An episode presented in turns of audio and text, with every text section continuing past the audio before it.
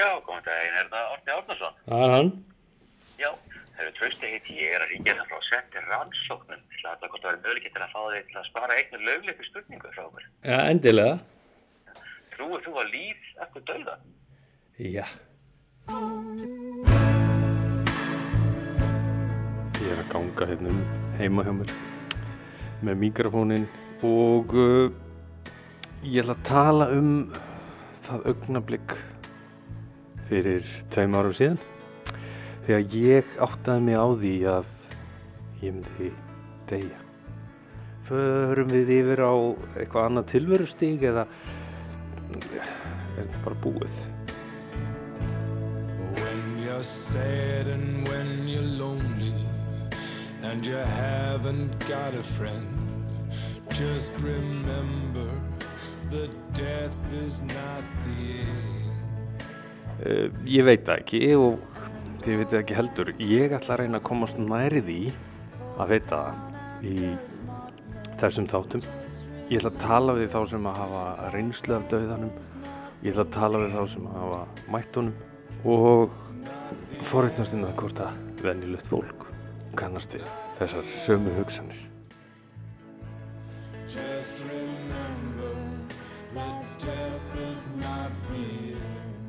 Stórt er spurt. Útgangspunktur í hverju einustu útför er að dauðin sé ekki endalokk, heldur kaplaskil. En, en svo þarf maður líka bara að semja frið við döðan og maður þarf kannski bara líka að, að gera hann, um, ég þarf ekki að segja endilega vini sínum, en heldur þarf maður að gera eitthvað svona samning við hann um það að, að maður hætti ekki að lifa leið og hann fyrir eitthvað svona blikkamann. og ef þú ert hrættu við döðum þá þarftu þá þarftu að gera eitthvað í því. Þú átt ekki bara að lifa í stöðum ótt að þú deyr vegna þú veist þú deyr. Uh, þú verður í raun að reyna að finna leið til þess að óttast ekki döðum vegna þess að þá hefur það áhrif á allt sem hún gerir, allar daga, allar hugsanir. Just remember that death is not the end. Herru, já, já, við erum mætt hérna í, í Seljakirkju til hans Ólafs Borgússonar og við ætlum að ræða fyrst og fremst uh, þessar hugmyndi kristninar um, um hvað gerist við dauðan.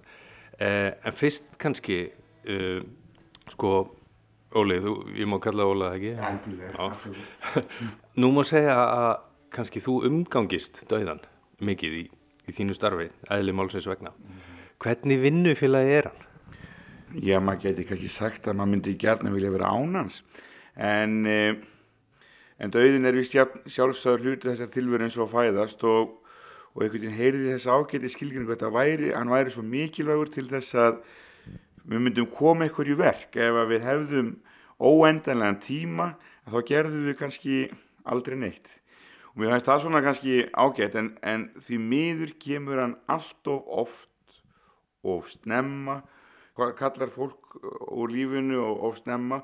Og það er, það er sárt, það er ótrúlega erfitt að, að þurfa að takast á við þá staðrind því að það er nefnilega allt annað þegar að fólk feður satt lífdaga og búið að hlakka til og ég vil býða í mánuð og ég vil ár þá er það allt öðru ís og eðlilegu hluti tilverunar en þegar að fólk feður svona allt allt og snemma þá verður þetta þá verður þetta svolítið öðru vísi þá verður maður já, vil sár og, og reyður og náttúrulega umfram allt bara uh, sárt að horfa upp á þá sem að syrkja og sakna En svona umræðan kannski um dauðan, hvernig upplifið þú þá umræðu?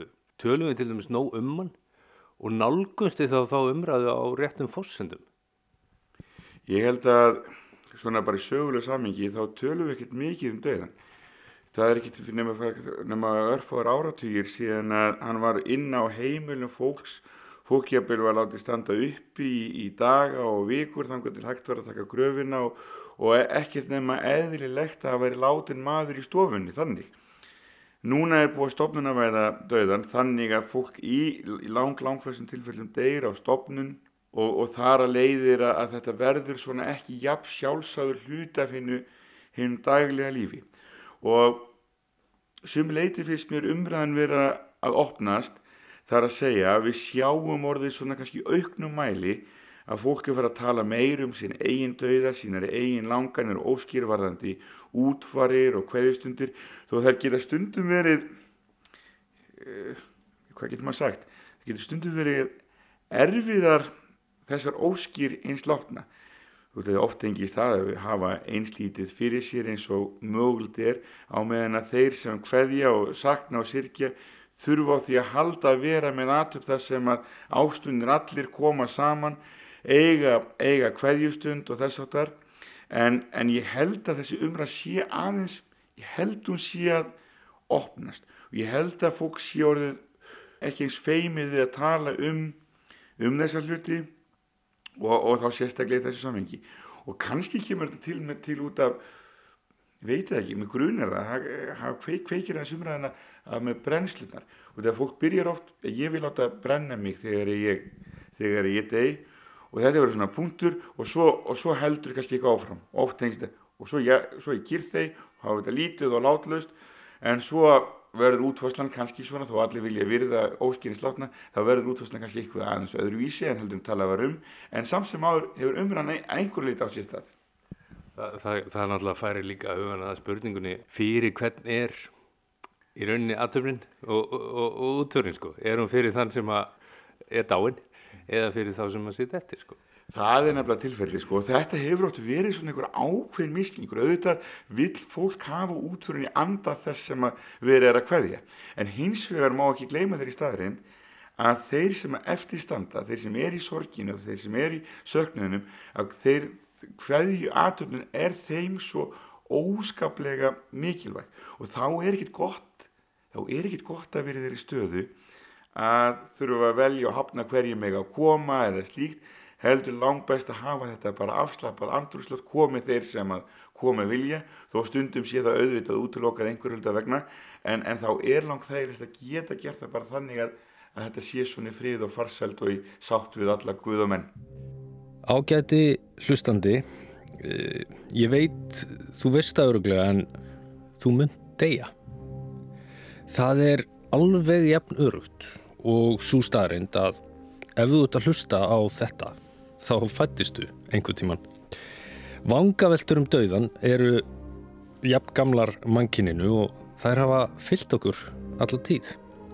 Samt er það einhvern veginn þannig að við viljum helst lítið tala um dauðan dagstaglega, ekki hugsa um hann og helst bara ekki dánum vita. Það er að segja, þanga til hann nálgast eða snertir okkur á einhvern hátt og við kannski neyðumst til að gefa honum aðeins gaum.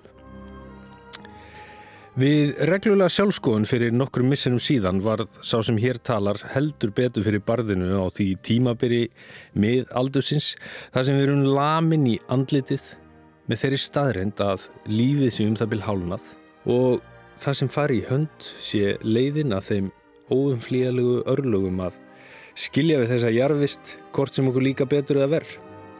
Auðvita hef ég alltaf verið meðvitaður um dauðan og upplifað hann á til í kringum mig en samt var eins og að vera á einhvern nátt nýfengi vittneskja að hann myndi í raun og sann heimsækja sjálfa mig einhvern daginn og að það væri mögulega að fara að stittast í það.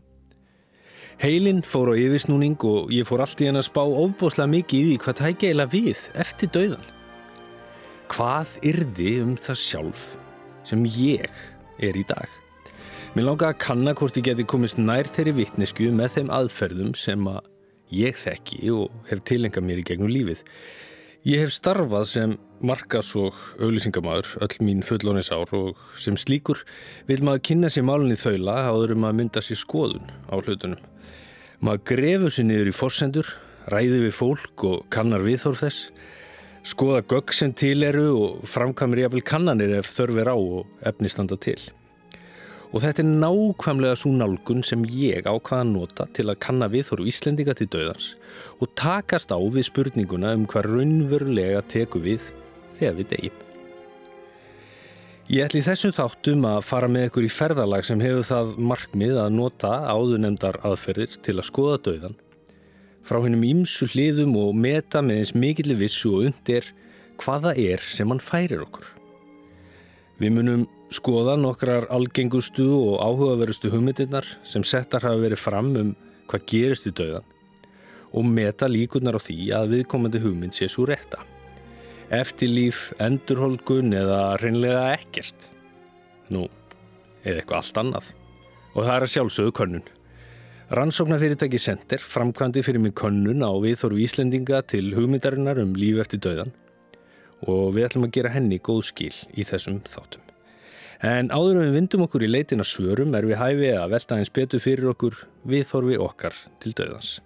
Til þess að ræða það nánar er tilvalið að tala við fólk sem hefur meiri reynslu en aðrir af því að hugsa um dauðan.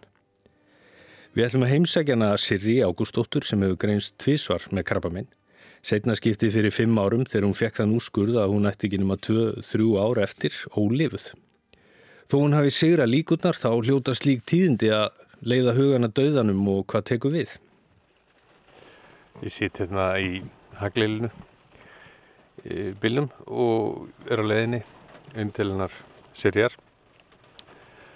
Eh, Ég ætla að ræða við hana um svona hennar sín á dauðan eh, og hvernig hún hefur nálgast þessar þennan gest sem að sem óneitarlega hefur uh, gert sér líklegan til að berja dyrum hjá henni.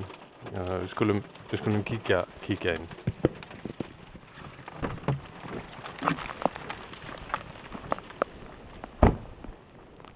Hérna, sko, þegar ég fer á stað í þetta verkefni, þá, uh, svona, það gerist í, í kjölfari á því að, að ég er í, í svona ákveðni miðlífskrísu sjálfur eins og örgulega margir gangi í gegnum. Og, og ég fyrir svona daldi mikið að hugsa um dauðan og, og hérna og það má segja kannski að ég hafi fattað í fyrsta skipti raunverulega að ég væri döðlugur og hérna og það er svona held ég eitthvað sem að margir tengja við. Og ég held að döðin er eitthvað svona sem að við erum alltaf rosa feiminu að tala um. Svona þangað til við þurfum einhvern veginn að díla við það. Og ég svona veit ekki þegar ég byrjaði að hugsa þetta þá fór ég að hugsa tilbaka. Og fyrsta minningin mín frá því að hugsa um döðan er svona þegar ég var krakki. Og kannski fattaði lífið sko að það væri byrjun og svo var einhver endir. Og þá var maður sem krakki pínliti upptekinn af þessu svo kemst maður yfir það og, og kemur bara lífið svo er einhvern veginn þessi svona kapli þar sem þú ert miðaldra eða, eða þarfst að díla við þú fattar að það er einhver endir mm -hmm. þá, þá, þá taka þessar hugsanir aftur við og svo kannski aftur þegar þú þarft að horfast í augu við þær einhver hluta vegna, hvort sem það er veikindi eða, eða elli eða, eða, eða hvað það er mm.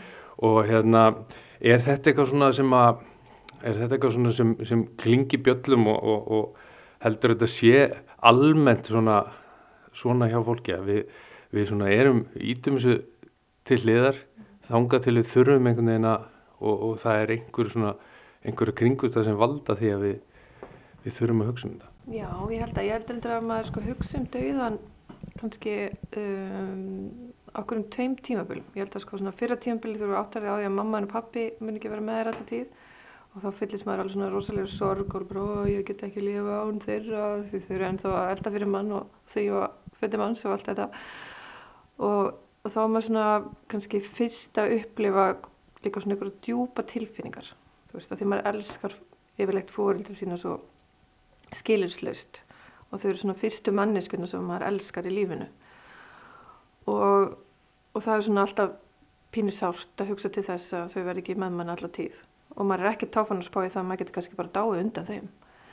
Og svo kemst maður á kannski þennan aldur eins og þú segir, þetta er svona midlife og hérna tímabil.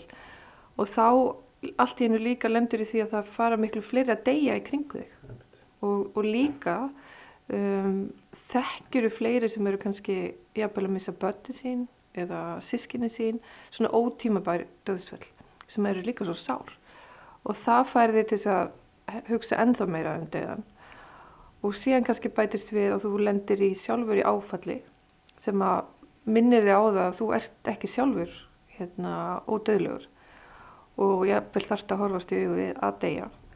Að þá kemur ykkur enn, enn önnur vitt á döðan ég er endar hérna rosa fyndin þegar maður fyrir að tala um döðan ég þarf alltaf að segja eitthvað döðan döðan þú veist maður þarf alltaf að segja veginn svona með einhverju allt öðrum tóni í röddinni þú veist einhvern veginn. Og döðin orðið er líka náttúrulega þú veist það er, það er svo drungalagt það er einhvern veginn fólk fá einhvern veginn allir svona pínu gæsa húð þú veist aftan á nakkan sko þegar einhver fyrir að tala um döðan þú veist en já ég held að þetta er þetta er hérna klárlega tengt einhvern tímabölum í lífum hans Við ætlum líka að kíkja á útfarastjóran Magnús Sævar Magnússon og ræða þessum döðan við hann. Já, þakkaði fyrir. Þetta er aldeilis notalegt maður. Má ekki bjóða þér upp á kaffi, ofni? Jó, endilega. Mér, mér finnst ég daldi upplifa það að viðþorf fólks til dauðans sé eitthvað sem er kannski erfitt með að tala um. Fólk á erfitt með að tala um og, og hérna þess vegna spyr ég þig sko finnst þér fólk sem þú hittir í gegnum starfið þitt á, á það erfitt með að tala um dauðan og, og, og hérna kannski af hverju? Það eru, segja, tveir hópar eh, sem að ég hitti þá í mínu starfi. Það er annars vegar fólki sem er að vinna í, séu, í þessum geira, þeir sem er að þjóna. Þar, þá er ég að tala um prestar og, og útvarastjórnur og þeir sem vinna áskrifstum útvarastofur og auðvitað söngfólk, kirkjuverður og all, allir þessi sem er vinni kringum þetta. Uh, sáhópur, hann á ekki vandræð með að tala um dauðan. Því að út af því hvernig umhverfið er. En hinn hópurinn er svo þá, það eru þá þeir sem, að, sem eru aðstandendur og, og vinnir. Nú, ég get ekki sagt að sá hópur, þar að segja, sá hluti þess hóp sem hefur komið á málsumi og verið í samskiptum í tengslum við undirbúninga og hverjustund hafi verið í einhverjum vandar með að tala um döða. Um, og kannski er það bara vegna þess að við erum að vinna með döðan á þeim tíma.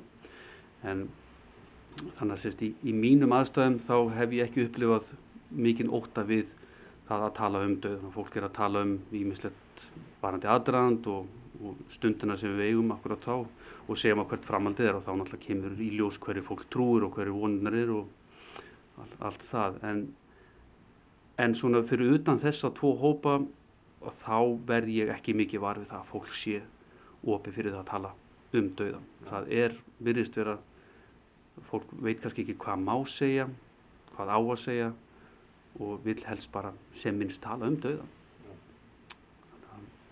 Þannig virðist samfélag okkur svolítið vera í dag, eins og ég upplifði það. Eða umgangast hann á annan hátt í svona dagstælega og, og, og, og nálgast umræðum dauðan á annan hátt ef við gerum? Ég held að það sé ekki nokkur spurninga. Við eigum, við eigum að hugsa um dauðan eins og við hugsaum um fæðingu. Við komum inn í þennan heim, við fæðumst. Það er mikið fagnarreynandi og nefn, það er mikið fögnur sem fylgir því að allir fagnar og allir koma saman, fjölskyldur og þetta þjappa saman hópnum. Nú, þá erum við að byrja eitthvað nýtt skeið, við erum að, það er nýtt líf komið heiminn. Nú, við vitum að við munum degja og þegar fólk svo deyr þá, þá er ekki alveg sama på tenningum eins og fólk fæðist. Þetta kemur þar inn í myndina og spilar inn í hverju trúi fólk. Hvað heldur fólk að gerist eftir döðan?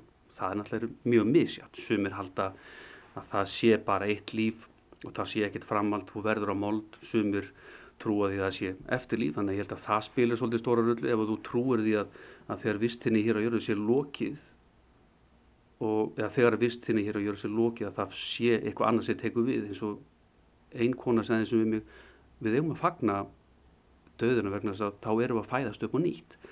Þannig að ég held að geti örgulega farið svolítið eftir hverju trúir á hvað trúir á að gerist raun eftir að þú deyrð hvernig þú getur nálgast döðan einhvern veginn upplifið að þannig og mér finnst í raun að við erum ekkert að hræða stöðun eða eða, eða vera hrættum að tala um hann. Ekki þegar við erum ekki að vera rosalega upptekinn af honum.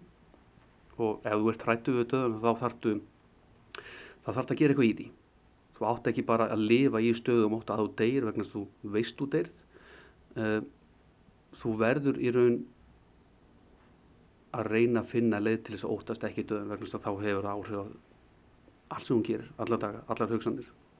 Og þetta á ekki bara við um þitt eigi líð vegna þess að auðvitað eru mjög margir hrættur um að vera að missa börni sín líka. Þannig að það er svo sem önnu nálgun en ég held að það er svo mikið í þessu samfélagi það er, maður heyrir fólk tala um að dauðin sé svo tabú hann er það í raun og veru ekki og á ekki að vera það en við, hann má, að, má í raun vera þess meira upp á auðurborðum þá er ég ekki bara að tala um aðtöðun og útverðna skipil ekki hann heldur bara að tala um lífið sem heild eina línulega eitt línulegt hlaup fæðing og til enda og hvað er að gera með vorum að gera hérna. Fókus er að frekar á hvað er að gera með við erum lifandi hvernig maður nota tíman okkar best koma vel fara með náungan ekki skilja eftir einu opnin sár og ég held að með því að nálgast lífið svolítið með þeim hætti að þá þá þurfum við kannski ekki endilega mikið óta stöðnis mikið ekki skilja eftir síðan eitt nema bara góð og fallið spór Sagði Magnús Sævar þegar ég náði tala á honum í vinalögu garðísi í Vesturbænum og þáði rót sterkan og góðan kaffibólla. Ég held, sko, ég held að við hugsaum öll ykkur tíman um hann og ég held að við ræðum hann öll ykkur tíman við einhvern. Um, en ég, ég veit ekki hvort að við höfum endilega verið að gefa hann endilega eitthvað mikið plás af því að það er svo margt sem að kannski er mikilvægara að taka plás í lífinu eins og að lifa og vera bara hammingisamur og leifa sér að vera hammingisamur og, og vera sáttur við að vera bara til og, og, og lifa lífinu lifandi. Þannig að ég er ekkert endilega kannski vissum að maður þarf að gefa hann um mikið plás. En ég held að sé samt gott að ræða um hann hans slæðið. Ég held að sé gott að ræða við börni sínum hann og svoleiðis. Af því að þetta er bara svona eina af þessum staðrendum í lífinu sem við þurfum öll ekkert tíma að mæta. Og ég held að það sé mjög vond ef við erum kannski ekkert búin að undirbúa okkur fyrir það. En svo á hinn bóin getur maður einhvern tíman undirbúið sér fyrir það. Nú, nú hefur þú horst, þurft að horfast í auðvitaða mm -hmm. og svona unni, unni þína segir að á þeirri vegferð mm -hmm. en auðvitað sækir hann okkur jú öll mm -hmm. að lokum eins og maður þreytist ekki að tönglast á þessu, þessari klísjum að, að við fæðumst og við degjum það er það sem við erum, erum, erum vissum sko getur þú lísta eins fyrir mér hvernig kannski þú nálgast að, að vera neitt til þess að í rauninni hugsa um hann og hugsa um hann sem eitthvað sem að mögulega væri bara í, náinni framtíð. Já, ég ætla að taka undir með, með þessar tuggur sko. Alltaf, það er ekkert víst í þessu lífi nema döðin hann er alveg vís. Já og svo svo lendir maður í því að blíka döðan mm. og reyna hérna einhvern veginn að koma sér síðan frá því. Hætta við að daðra við hann. Um, já ég ég uppliði svolítið miklu sorg náttúrulega í þessari upplifun. Sko ég var búin að auðvitað ganga í gegnum eitthvað döðsföll á, á, á minni lífsleið bara náttúrulega maður er komin að þennan aldur. Maður kannski búin að missa uh, ömmur eða afa eða já, ég vil kannski einhverja í fjölskyldinu sem var ótímabært líka.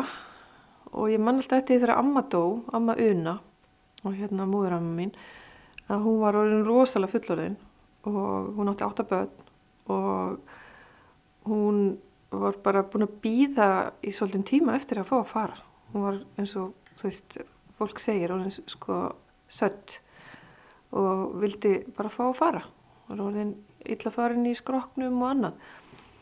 En svo, svo deyr hún og að hérna há, háöldru og kirkjan er full af ættingum, börnum og barnabörnum og tindabörnum og, og barnabarnabörnum og ég hef aldrei fyrir niður síðar verið í jarðafjörð þar sem hafa grátið eins mikið.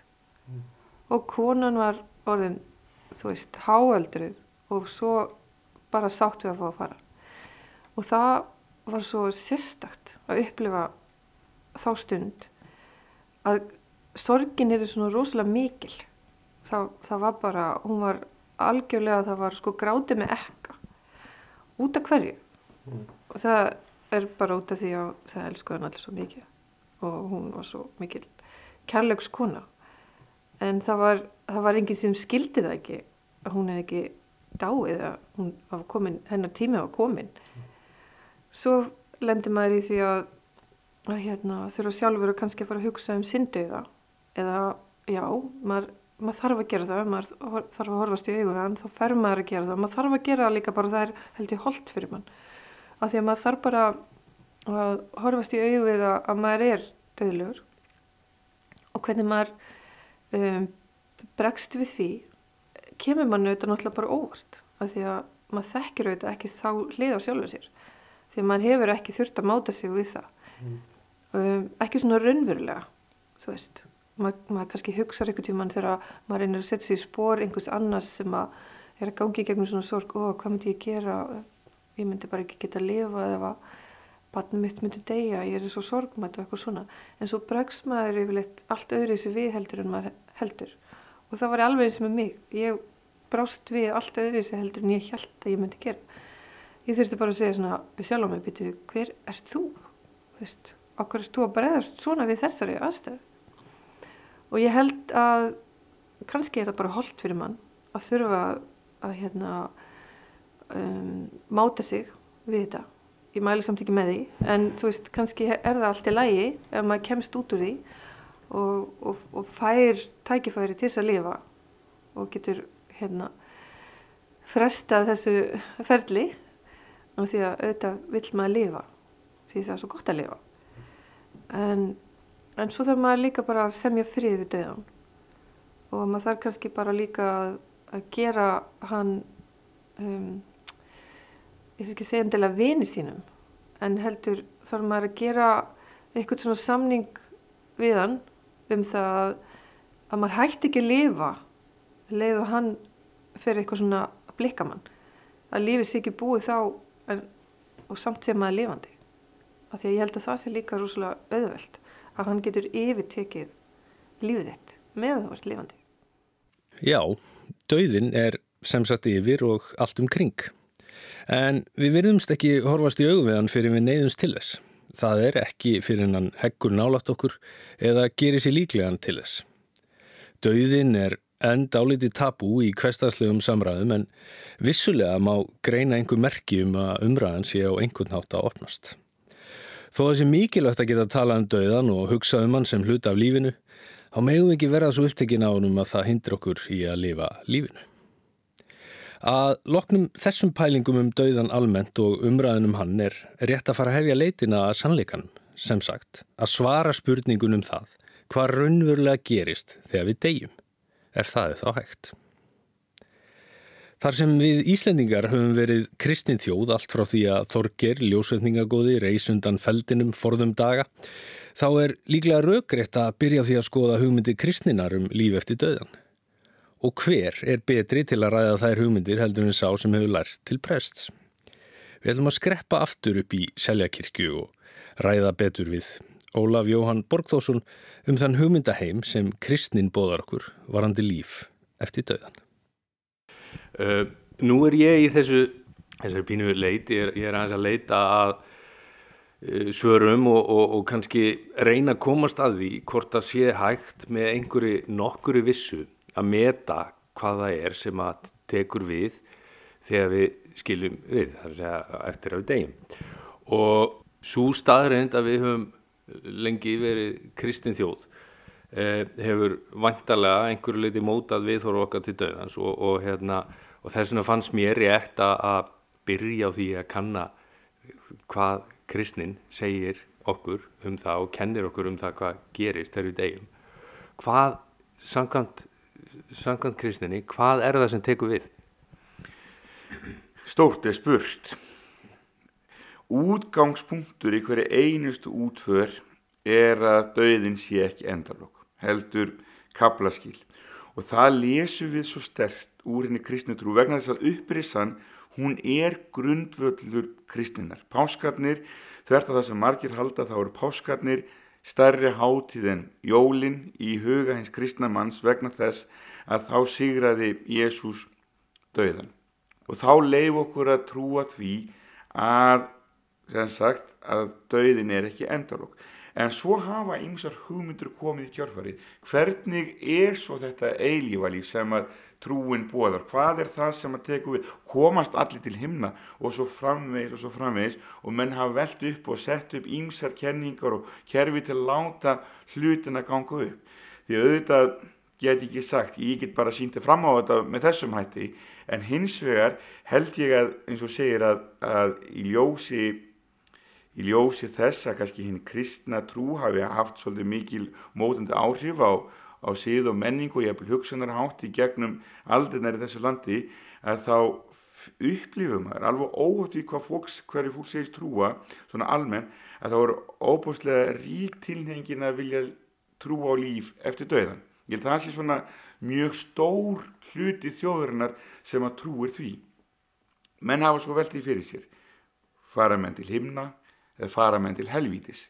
Það er alveg það sem við lesum í biblíunni að það séu tveir staðir sem eru mögulegir og, og hvernig eigu að flokka fólk og sem betur fyrir að setur nú sagt að maður þurfu ekki verið dómar í, í þeirri sög því að svo hafa menn velt fyrir sér sko ok, ef, ef mann hafa verið svo ansi slæmir í þessu lífi að er þá bara einn eilífa helvítisvist að það eina sem þeir eitthvað skilið. Katholikarnir reyndu að bjarga þessu með því að setja þessi kenningum hreinsunareldin. Það er að segja að þeir sem er ekki staðið sér nógu vel hérna meginn, þeir eru þó ekki alveg eilí útskúfaðir, þeir þurft að fara í ganga í gegnum einhvers konar tímabil sem væri kallaður hreinsunareldur sem að væri í rauninni svona tímabil þar sem að þú, já það sem að þú svona geldur fyrir syndiðínar í þessu lífi en kem svo endanum til himna. Mótbænandur hafa nokkuð ekki verið alveg á þessu og ekki verið með þessa kenninga um hreinsunareldin því að ég held að við leifum okkur trúa því flest og all af við erum alltaf að sjáum það aftur og aftur þannig að kærleikstrika Guð sem við erum að bóða að, að hann er ekki sá dómari sem að setur menn til helvitis við, við viljum ekki trúa því. Og við sjáum það og kannski forsenda fyrir því er svo til dæmis eins og þegar Jésús er krossfestur. Er hann krossfestur millir tvekja ræningja sem hafðu unnið sér eitthvað til sakar þannig að þeir hluti þann dóm að vera krossveistur og þannig döðadóm þannig að menn ákvaðu að, að refsa þeim það harkalega þannig að eitthvað hafðu þeir nú gert. En Jésús segir við annar ræningjan í dag myndu vera með mér í paradís. Þannig að á þeirri forsendu að getur við leift okkur að treysta því að þó breyskleiki mannsins hafi fyllt okkur í gegnum ár og áratví á lífsinsgöngunni að þá meigu við samt trúa þessum orðum frelsarans að, að við fáum samt líf í paradís Hvað er paradís? Aftur er stórt spurt Hvað er paradís? Jésús talar um þennan stað sem paradís Jésús talar um stað sem himnaríki og svo hafa menn reyfað uh, hvernig hvar þessi staður er hvernig þessi staður er. Og, og annað og, og einhver tíman var nú einhver geimfærin sem að hann farið til tungsins sem að sagðist nú hafa séð nú heiminn allan og gæti þau vilja fullvís okkur um að Guð væri ekki til þess að hann væri greinlega ekki á himnum. Paradís eða himnaríki e, það er handan okkar tilveru sviðs og nú fer maður að tala svolítið heimsbyggilega og þá, og þá er hægt við einhverjir sem maður nótur nú ljóta ljótungum álega ljóta íslensku, sóni út. Því að sko, því að þegar við talum líf eftir döiðana þá erum við alltaf að tala um annað tilveru svið einhverjir sá eftir fyrir sér svona í orðsins fylstu merkingu að þetta væri líf í einhvers konar skíaborgum þetta sem væri allt bjart og fallegt og einhver engill væri þar að spilaði hörpu fallið minn sem að dregin er þar upp.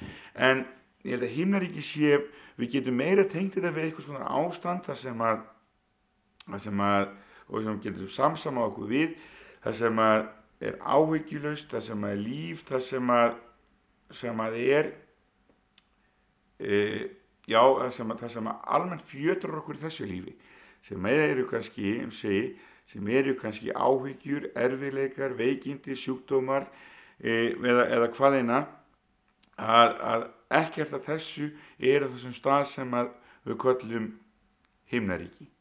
Þetta er svona, þetta er án þess að við fáum nákvæma lýsingu að þá er þetta staður það sem að, getur sagt, allt sé fullkomið.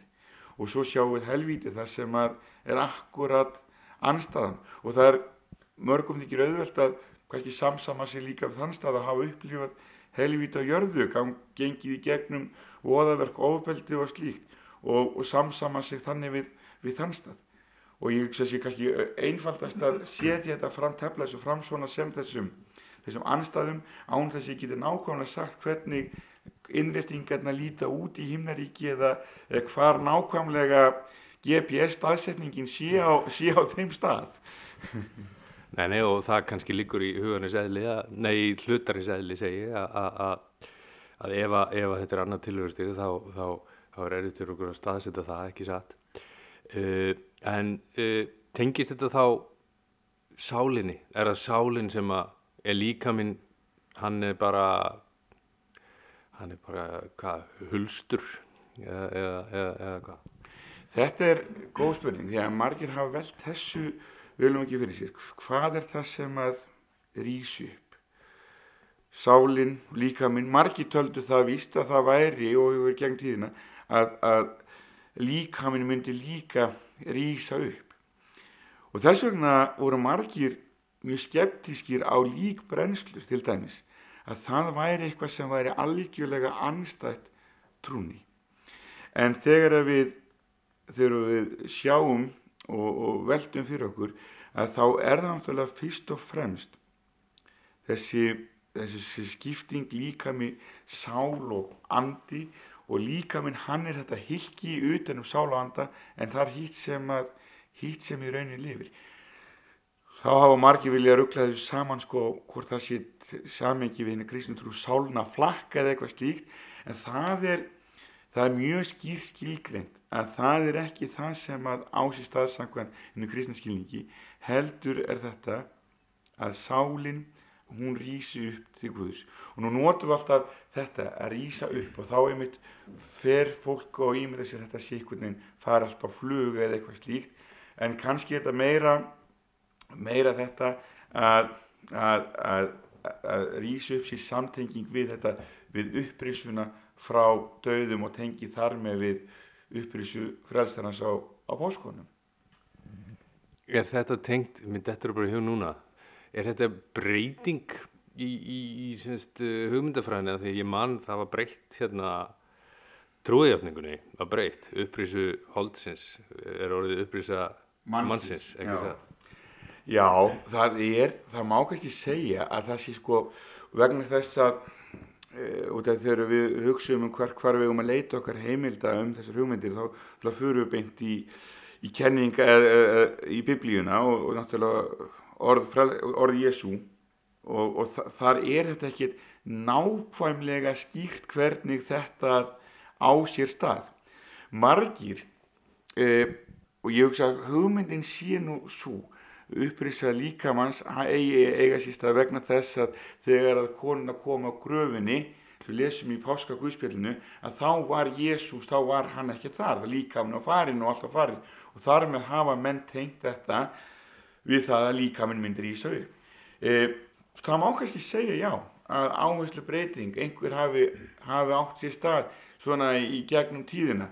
Og, og upprýðs og holdsins að, að hún sko hafi fæst yfir upprýðs og mannsins til að leggja áherslu á það að það sé sál mannsins sem að, sem að rýsu þó mann hafi kannski ekki viljað fara alveg úr grísku þýðingunni sem er sko hugtækið sark sem að í bókstaflega skilningi merkir hold en, en að hérna að, að, að, að ekki vilja fara kannski í upprísu sálarinn er eitthvað stík að upprísa mannsina áhustu þungin liggi, liggi þar e, Hvað með nú eru kristnin nokkra greinar ef svo má segja. Það er að segja að það er mismjöndi, mismjöndi trúabröð innan kristninar Eh, eru þessar hugmyndir um eh, himnaríki eru það svipaðar á milli þessara trúabræða? ég held að hugmyndirnar um himnaríki séu almennt mjög svipaðar. Og þetta sé bara þessi góði friðsæli e eilífi staður þar sem að þar sem okkur líður vel á. Leiðirnar eru hins vegar aðeins ólíkar að himnaríki. Og nú fer ég í, í, í sloppin og gerfi vísindamannsins og spyr e, er einhver leið fyrir okkur til að vita hvort að þetta sé satt? Eru til sannanir? Það hefur alltaf, held ég frá upphæðu mannkins, verið eh, spurning sem hefur leitað á hvað gerðist þegar allt var til og hvað gerist þegar við degjum. Og, og bara þorstin eftir að finna einhverju sönnum þess að vita ekki líf eftir dauðan að hann hefur alltaf verið til stað og verður sennilega aldrei svalað. Og við sjáum það kannski í gegnum spiritisman sem menn fóru virkilega alla leið að reyna að finna sannanir og margir hafa fundið ég tali sem fundið, hafa fundið sannanir í gegnum miðla og gegnum, gegnum svona já spiritisman í, í því að ná sambandi við þá sem að farnir eru undan okkur og, og, og, og fundið þar eitthverja já þessa, þessa sannanir Kristin trú, hún mælir gegn því að við séum að reyna að hafa samband við þá sem farnir eru. Vegna þess að við sjáum það aftur og aftur og, og, og byggjum þess með sér hverja einustu jarðaför, far þú í friði og byggjum að fólk fá kvíl í friði. Ég held að allt sem að tengist trú og trúar bröðum, ég held að það verði erfitt að færa sönnur á það. Við getum jú fundið sagfræðilega sannanir fyrir tilvist Jésu og þeim orðum sem að hann létt falla. En, en, en eins og þetta þegar við erum komin að á þessa, á þessa, þessa, á þetta svið sem tengist eilífa lífinu að á vísindarlegu nótum held ég sé reynist alltaf erfitt að fá nákvæmar sannanir. Við höfum alveg séð, já ég segi, þessar, þessar kannski sannanir sem að sem miðlar hafa gefið fólki um það að, að hérna að, að, að koma með einhverju upplýsingar sem engum að öðrum eiga að vera kunnugar. Við höfum séð já, frásagnar af fólki sem að hefur upplifað eitthvað en það er eitthvað sem að kannski í, í, í raunvísindum er aldrei álitlegar sannanir. En það er líka kannski bara trúin þess eðlis að eins og segir bara í hefbriðabrifinu að trúin er þannig að þetta er eitthvað hún fjallar um það hluti sem að ekki er auðvelt að sjá eða ekki er hægt að sjá og, og hérna og, eða, eða sanna heldur verður þetta alltaf að byggjast alltaf mikið á upplöfun og þess vegna er þetta kannski einmitt trú Þess vegna er þetta trú Já Það er eflaust röggreitt svar þegar spurt er um sannanir fyrir tilvist himnaríkis sem Ólafur lýsir sem staðnum þar sem allt er fullkomið. En hvað segja viðmældur okkar eiginlega um þessa leitað sannleikan? Er mikilvægt að trúa að eitthvað taki við eftir döðan eða eigum við kannski ekkit að vera að leita að þessum endalögu svörum? Jú, ég held að það sé svo stór hluti af manninum að, að, að, það, að það verður alltaf, þetta er alltaf þessi spurning sem leitar á okkur vegna þess að náttúrulega við flestir, flestir þurfa að ganga í gegnum þessi spór að hveðja ástvinni sem að standa maður nærri og þegar að allt það sem við hefum kannski lagt tröst okkur á læknavísindi, líf og annað sem hefur kannski hjálpað og svo er allt í einu komin þann stað þar sem ekkert annað hjálpar að þá fer maður að leita annað. Við viljum alltaf, við viljum alltaf fá svör. Ég er ekki bara eins með dauðan eins og annað í lífinu. Það er eitthvað öryggi að vita, þú veist, og menna, hvað eru margir sem eru búin að reyna að rannsaka dauðan og hvað býður okkar og ég menna, við erum öll búin að sjá nokkra bíómyndir um það og, og reyna að sjá ljósið og, og, og göngin sem við förum í gegnum og allt það. Ég, ég held að það veitir manni öruglega einhverju svona hugar og að, að hérna, að halda að það taki eitthvað betra við. Sko allan fyrir mig þá skiptir það mig ekkit endilega miklu máli að vita nákvæmlega hvað gerist eftir döðan vegna þess að ég, ég held að sé nú mjög góð ástæði fyrir því að við vitum ekki hvað nákvæmlega gerist. Því ef við myndum vita þá myndi það sennilega hafa mikil áhrif á þá hvernig við hugum okkur í, í lífinu sem slíkum um, eins og sé að, að það sé endilega fókusin hvað verður eftir held ég að sé heldur ekkit endilega en, en auðvitað Sumi finnst gott að trúa því að sé eitthvað vegna þess að þá hugsaður með sér, já já það er þá tilgangu með þessu öllu. En sumi svo trúa því að sé ekkit meira en það þýðir ekki að eru ekki að vera tilgangur. Af því að maður hefur heyrt fólk segja, já, heyrðu, hann trúir nú ekki á Guð. Hvernig getur hann þau að sé tilgangu öllu? Það er, ég er nefnilega ekki samanlega því hvort þú, sé, hvort þú trúir á Guð eða ekki Guð eða hvort þú trúir á eitthvað almat eða hvort þú trúir á kraftin, orkuna, kærleikan en fyrst og fremst auðvitað þarf það að trúa sjálfa þeim. En ég er ekkert á því að þú þurfir að vita nei, hvað verður ég held að sé bara aðalega að við höfum lífið núna frá því við fæðist og þannig að við deyjum það, það er aðalatriðið Já, sitt sínist hverjum en við ætlum að halda áfram leitinni að svörum. Við höfum í þessum þætti rætt dauðan og viðþórf til hans vandlega. Viðþórf sem ennkennist álitið af, eigum ekki bara kallaða feimni, gagvart viðfangsefninu. Viðmælundum mínum kom þó öllum saman um mikilvægi þess að sætt okkur við dauðan sem hluta af lífinu, semja frið við hann því það hjálp okkur að njóta lífsins. Við fórum svo yfir grunnhugmyndir kristninar um eftirlíf en hugtækið um himnaríki er það sem flest kristin trúabröð eiga sameigilegt. Hvert eða hvernig það himnaríki er virðist þó vera erfiðar að útskýra en má kannski segja að það standi fyrir annað tilverustig þar sem allt kuð vera gott sem blóm í ekki. GPS staðsetning fegst því ekki uppgefin fyrir himnaríki hjá sér Ólafi viðmælanda mínum en það hugmyndin ekki að það sé fysisku staður á himnum sem hægt sé að hafa upp á. Slík hugmynd hefði líka hlutið tafalösa fallengun hjá þeim sem hér talar. En hvað þá með líf eftir dauðan í takt við það sem kristni bóðar? Hversu líklegt er að þær hugmyndir eigi við rauk að styðjast? Í fyrsta lagi þá er tilvist Jésu í sögulegu samhengi ekkit sérstaklega umdelt staðrind. Flest sögulegögn benda til þess að hann hafi verið raunverulega persóna en það segir okkur svo sem lítið um það hvort bóðskapur hans sé sannleikur. Í raun eru beinar sannanir fyrir tilvist himnaríkis í bestafalli fátaglegar. Margar tengjast þær enda spiritisma sem kristnin samþykir ekki á þeim fórsendum að ekki skuli raska róð þeirra látnu, þeir skuli fá að kvíla í friði.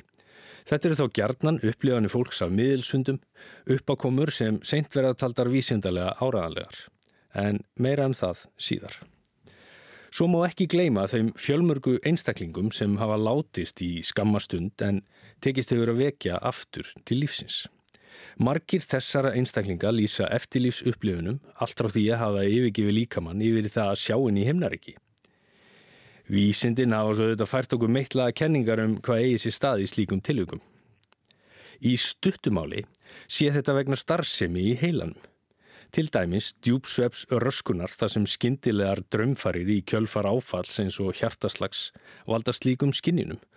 Og svo hugsana, en, ótrúlegt en satt, þá ferðast til dæmis heilabilgjur um heilabörkin, sem er hugsandi hluti heilans, í 20 sekundur eftir að manneska er úrskurðu látin og svo getur heilastofnin haldið áfram að virka eftir að auðvisvæði heilans eru döið. En já, þetta eru kannski óþælega mikil vísindi fyrir markasmann með félagsvísindamentun en allavega þá telja vísindi sig hafa skýrt þessar upplifanir nokkuð vandlega. En á meðan þau segja okkur kannski hvernig þetta gerist, þá útskýraðu ekki hvers vegna eða hvað. En Þá er komin tími á engun sem að sjálfsögðu veru gefin á hefðbundu markasansúna skala frá mjög miklum líkum yfir í mjög litlar.